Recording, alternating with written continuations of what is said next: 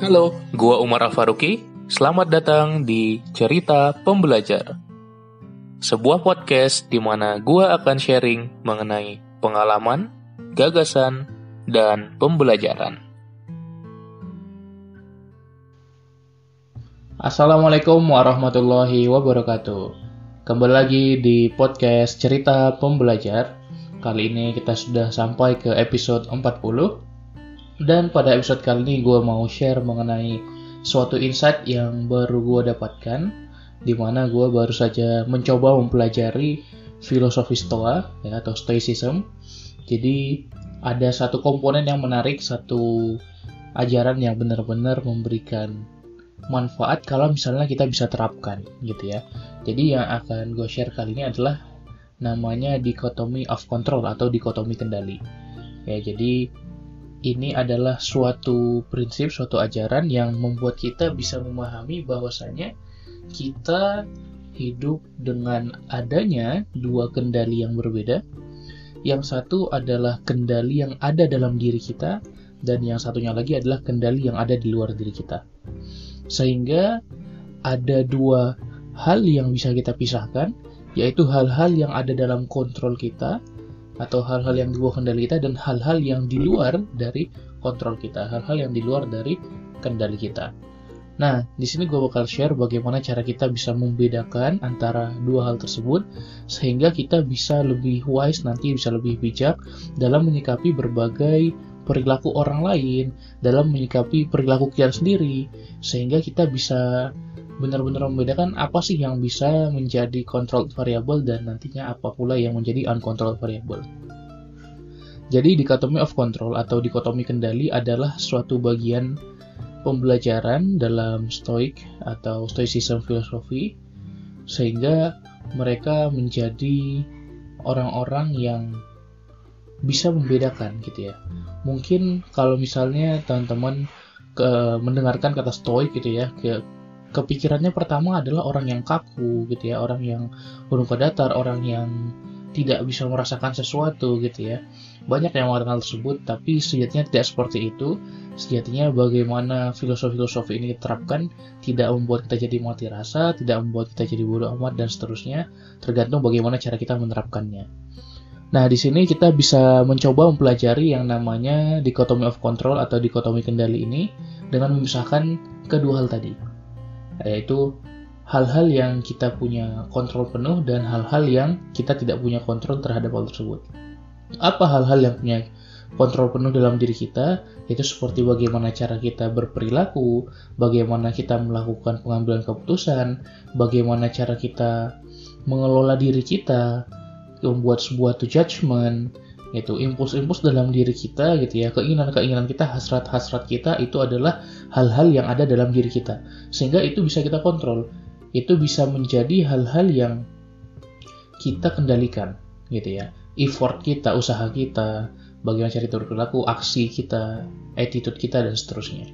Sementara yang di luar dari kontrol kita yang di luar dari kendali kita adalah bagaimana orang-orang berperilaku bagaimana orang-orang beropini. Jadi pendapat orang lain, perilaku orang lain, perasaan orang lain, aksi yang dilakukan oleh orang lain, kesalahan-kesalahan orang lain, atau mungkin hal-hal yang baik juga dari orang lain, banyak hal-hal yang di luar dari kontrol kita. Sehingga dalam hal ini membuat kita bisa lebih bijak memahami bahwasanya ada yang benar-benar dalam kendali kita dan ada yang di luar kendali kita. Ketika kita bisa mencoba memahami ini, maka kita bisa menggolongkan nanti. Kalau misalnya kita berpikir sesuatu kira-kira yang aku lakukan ini apa sih yang bisa ada dalam kendali diriku? Apa sih yang di luar gitu? Jadi kita nanti bisa lebih memfokuskan kepada apa yang ada di dalam kendali diri kita. Jadi kita bisa lebih fokuskan ke sana nanti ya daripada hal-hal yang kita rasa ternyata tidak dalam kendali kita. Nantinya banyak hal yang sia-sia yang yang membuat kita justru tidak efisien.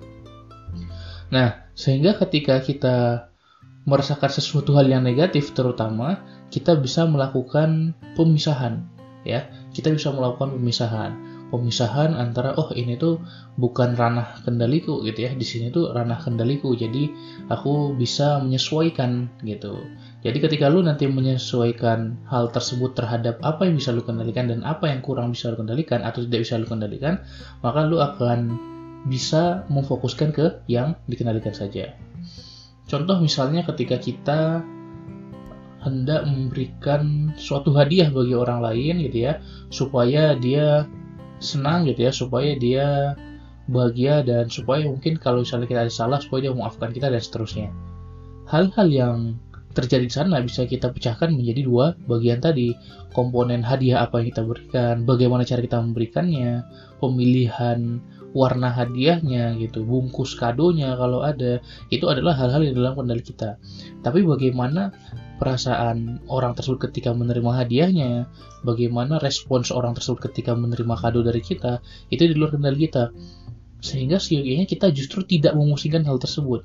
Itu akan membuat diri kita menjadi efektif adalah ketika kita kira-kira apa ya perasaan dia kalau gua kasih ini, kira-kira apa ya yang jadi respons dia nanti, kira-kira dia senang atau enggak ya, kira-kira justru dia benci atau enggak ya Nah, daripada hal tersebut yang mana di luar kendali kita, coba kita lebih fokuskan ke hal yang di dalam kendali kita.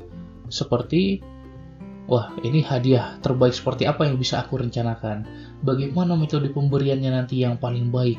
Nah, jadi kita memiliki kendali terhadap effort kita, tapi tidak memiliki kendali terhadap feeling atau perasaan orang lain. Itu adalah salah satu contoh aplikasinya. Sehingga kita nanti bisa jadi lebih bijak dalam membeda-bedakan uh, hal tadi. Nanti gue di akhir bakal kasih tips ya bagaimana cara menerapkannya tentunya. Tapi yang penting kita paham dulu nih, ada perbedaan antara hal-hal yang dalam kontrol kita dan ada juga eh, hal-hal uh, yang luar kontrol kita. Jadi itu berbeda ya, different. Nah, uh, kemudian kan ada yang naik juga. Kadang-kadang gue kesulitan nih membedakan suatu hal itu berada dalam kontrol gue atau berada di luar kontrol gue. Nah, maka ada yang mengusulkan, gue lupa namanya siapa, ada yang mengusulkan namanya trichotomy of control. Jadi daripada kita membaginya menjadi dua hal, kita membaginya menjadi tiga hal. Kalau tadi dua hal apa dikotomi kontrolnya? Yang pertama adalah hal yang kita bisa kendalikan dan yang kedua adalah hal yang tidak bisa kita kendalikan. Tapi muncul trikotomi. Yang hal yang pertama adalah hal yang bisa kita kendalikan sepenuhnya ya. Kita punya complete control terhadap hal tersebut. Ada kemudian yang kedua adalah hal yang kita tidak bisa kendalikan sepenuhnya juga. Tapi muncul yang ketiga di tengah-tengahnya ya zona abu-abunya adalah hal yang sebagian bisa kita kendalikan jadi yang ini complete control yang ini no control at all gitu ya kemudian yang tengah adalah uh, bagian yang kita partially control gitu ya jadi kita punya kendali sebagian nah nanti itu bisa membantu gitu. Tapi idenya sebenarnya sama juga dengan dichotomy of control bahwasanya kita bisa mengelompokkan dulu yang menjadi kontrol penuh kita ke sini gitu ya. Kemudian kita kebuang yang tidak menjadi zona kontrol kita gitu ya. Jadi kita nggak punya kendali sama sekali tapi yang di tengah-tengah nanti kita bisa sortir lagi. Itu cara kita mencobanya. Jadi kita mulai dari yang ekstrim kanan dan ekstrim kiri terlebih dahulu. Nah nanti ketika kita bisa melakukan pemisahan berdasarkan dikotomi of control ini tadi kita jadi lebih memfokuskan hal-hal yang ada dalam kendali kita hal-hal yang ada dalam kontrol kita saja. Nah, masuk ke tips ya bagaimana caranya kita bisa melakukan dikotomi of control ini, bagaimana cara kita bisa memisahkan. Kan sering kali kita nggak sadar bahwasanya itu ternyata di luar kendali kita, tapi kita merasa itu dalam kendali kita. Seringkali kita nggak sadar untuk melakukan pemisahan kendali ini. Seringkali kita impulsif, responsif, dan reaktif terhadap suatu kondisi, terhadap suatu keadaan, yang mana itu membuat kita tidak wise dalam menyikapi suatu keadaan. Nah, di sini gue bakal share empat hal ya, empat tips yang bisa lo lakukan untuk bisa lebih tepat dalam melakukan dikotomi of control ini dan lebih taktis dalam menyikapi berbagai keadaan. Yang pertama adalah melakukan pemisahan jauh-jauh hari. Gimana itu? Jadi ketika kita dihadapi suatu kondisi, dihadapi suatu masalah, kita sudah punya perencanaan sebelumnya gitu ya. Jadi sebelum masalah itu muncul, sekarang juga lu bisa pisahkan, lu bisa buat suatu daftar ya. Ada kolom di kiri, ada kolom di kanan. Kolom di kiri adalah lu tuliskan hal-hal apa yang ada dalam kendali lu. Di kanan adalah hal-hal apa yang di luar kendali lu. Nah, kemudian lu bisa pilih hal-hal yang sering lu pikirkan, hal-hal yang sering membuat lu stres misalnya, hal-hal yang sering membuat lu banyak kepikiran ketika lu memikirkan hal-hal yang di luar kendali misalnya uh, perasaan orang lain gitu ya atau uh, reputasi, bagaimana orang lain bersikap di sosial media gitu ya. Ada hal-hal yang nantinya ada di dalam kendali kita, ada hal-hal yang di kendali kita. Gitu. Jadi silakan dituliskan saja dan lu nanti bisa melihat gitu dampaknya masing-masing seperti apa. Kemudian yang kedua itu bagaimana kita melakukan stop and gap. Jadi tadi yang pertama ketika kita sebelum kita udah list dulu nih. Yang kedua adalah ketika kita merasakan emosi negatif, mendapatkan perasaan tidak enak gitu ya, kepikiran banyak gitu ya, stres gitu. Kita coba stop sebentar gitu ya. Kita bukan stop sih sebenarnya bukan berarti pause ya. Jadi kita jeda sejenak gitu ya. Kita jeda sejenak itu si stopnya itu tadi. Kemudian kita melakukan pemisahan saat itu juga kita gap. Nah, kita munculkan pertanyaan dalam diri kita, apakah ini dalam kendaliku atau di luar kendaliku? Ketika muncul hal tersebut di luar kendaliku, maka kita coba memilih untuk tidak terlalu memikirkannya. Dan kita bisa mengubah itu menjadi hal yang lebih kita bisa kontrol gitu.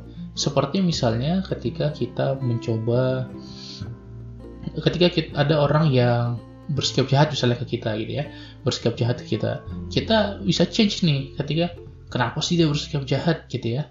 Uh, atau misalnya uh, gimana sih perasaan dia kenapa bersikap jahat ke gua gitu. Nah, hal-hal tersebut itu akan membantu gitu. Tapi dalam hal dikotomi of control itu berada di luar pengaruh, di luar kendali kita. Sehingga kita lebih mencoba mengelola hal yang dalam kendali kita. Kira-kira bagaimana caranya supaya dia uh, tidak bis, tidak bersikap seperti itu lagi, apa upaya yang bisa kita lakukan gitu ya. Jadi fokusnya lebih ke dalam diri gitu. Apa upaya yang bisa kita lakukan? Apa perilaku-perilaku yang bisa kita lakukan untuk mengubah orang tadi gitu. Bagaimana cara kita bisa memaafkan orang tersebut gitu. Bukan apakah uh, permohonan maaf gua uh, permohonan maaf dia itu akan datang atau tidak ya itu di luar kendali kita. Apakah dia mau minta maaf atau enggak itu di luar kendali kita. Tapi ketika kita memilih untuk memaafkan, maka itu di dalam kendali kita itu adalah praktik dari dikotomi of control tadi. Jadi kita stop and gap, kita pause dulu sebentar, dan kemudian kita gapping gitu ya. Kita pisahkan yang mana hal-hal yang menjadi variabel tak terkontrol, mana hal-hal yang menjadi variabel terkontrol. Kemudian yang ketiga adalah bagaimana kita mengubah goal, ya, mengubah target-target kita, mengubah tujuan-tujuan kita. Contoh misalnya kita ingin jadi orang yang disayangi di keluarga kita gitu ya misalnya kalau sebagai seorang anak kita ingin disayangi oleh orang tua kita kita ingin disayangi oleh saudara-saudara kita. Atau kalau misalnya sebagai seorang ayah misalnya kita ingin disayangi oleh istri kita dan anak-anak kita. Nah itu adalah goal yang bagus bagus banget gitu. Tapi hal-hal yang menjadi ketercapaian goal tersebut merupakan banyak hal di luar kendali kita gitu ya. Apakah saudara kita, orang tua kita, istri kita, anak kita itu sayang kita atau enggak adalah perasaan mereka yang mana dalam dikotomi of control itu di luar kendali kita. Maka kita coba mengubah goal tadi menjadi apa? Menjadi anak terbaik yang kita bisa, menjadi saudara terbaik yang kita bisa, menjadi suami dan ayah terbaik yang kita bisa. Hal-hal tersebut akan mengimprove kita, meningkatkan kualitas diri kita sehingga kita menjadi uh, seorang yang terus lebih baik dengan mempertimbangkan elemen-elemen yang di dalam kendali kita alih-alih elemen-elemen yang ada di luar kendali kita. Kemudian yang terakhir yang keempat adalah bagaimana kita bisa memilih untuk nge-switch uh, jadi mendoakan orang gitu ya. Karena sekalipun uh, komponen-komponen tadi di luar kendali kita, kita bisa menggunakan uh, kuasa langit gitu ya. Jadi ada kontrol yang mana ada variabel X yang di atas kita, entitas yang lebih besar dari kita, diri kita, Allah Tuhan kita, sehingga kita bisa mengubah itu sebenarnya dengan mencoba mendoakan. Artinya sebenarnya mendoakan itu adalah ada di dalam kendali kita, tapi kita bisa memengaruhi hal yang ada di luar kendali kita, walaupun tidak secara langsung. Itu nanti ya Tuhan yang akan menunjukkan jalan-jalannya gitu. Jadi yang keempat kita bisa pray, kita bisa mendoakan saja supaya mereka menjadi hal yang lebih baik yang kita harapkan mungkin gitu ya. Uh, perasaan yang lebih baik karena Tuhan yang membolak-balikan hati, kemudian perilaku yang lebih baik karena Tuhan juga yang bisa menetapkan dan Tuhan seseorang dan seterusnya. Itu banyak hal di luar kendali kita, tapi kita bisa mencoba mengubahnya dengan coba berdoa gitu. Jadi tadi ada empat tips bagaimana cara kita bisa menerapkan dikotomi of control. Yang pertama adalah bagaimana kita bisa memisahkan jauh-jauh hari. Yang kedua kita melakukan stop and gap. Kemudian yang ketiga kita mengubah goal dari yang banyak hal di luar kendali menjadi dalam kendali kita. Dan yang terakhir adalah kita mendoakan orang lain atau entitas lain atau misalnya alam di sekitar kita dan hal-hal lain yang berada di luar kendali kita. Semoga episode kali ini bermanfaat dan bisa diterapkan buat semua listener serta pembelajar yang dengerin episode ini dan harapannya semoga bisa memberikan manfaat juga bagi kehidupan kita sehari-hari kalau misalnya kita mau mempraktikkan dan mengimplementasikan apa yang kita pelajari. Terima kasih banyak yang sudah mendengarkan sampai sini. Silahkan di-share ke teman, saudara, sahabat. Semoga manfaatnya bisa dirasakan lebih banyak orang lagi. Dan sampai jumpa di episode-episode berikutnya. Salam pembelajar.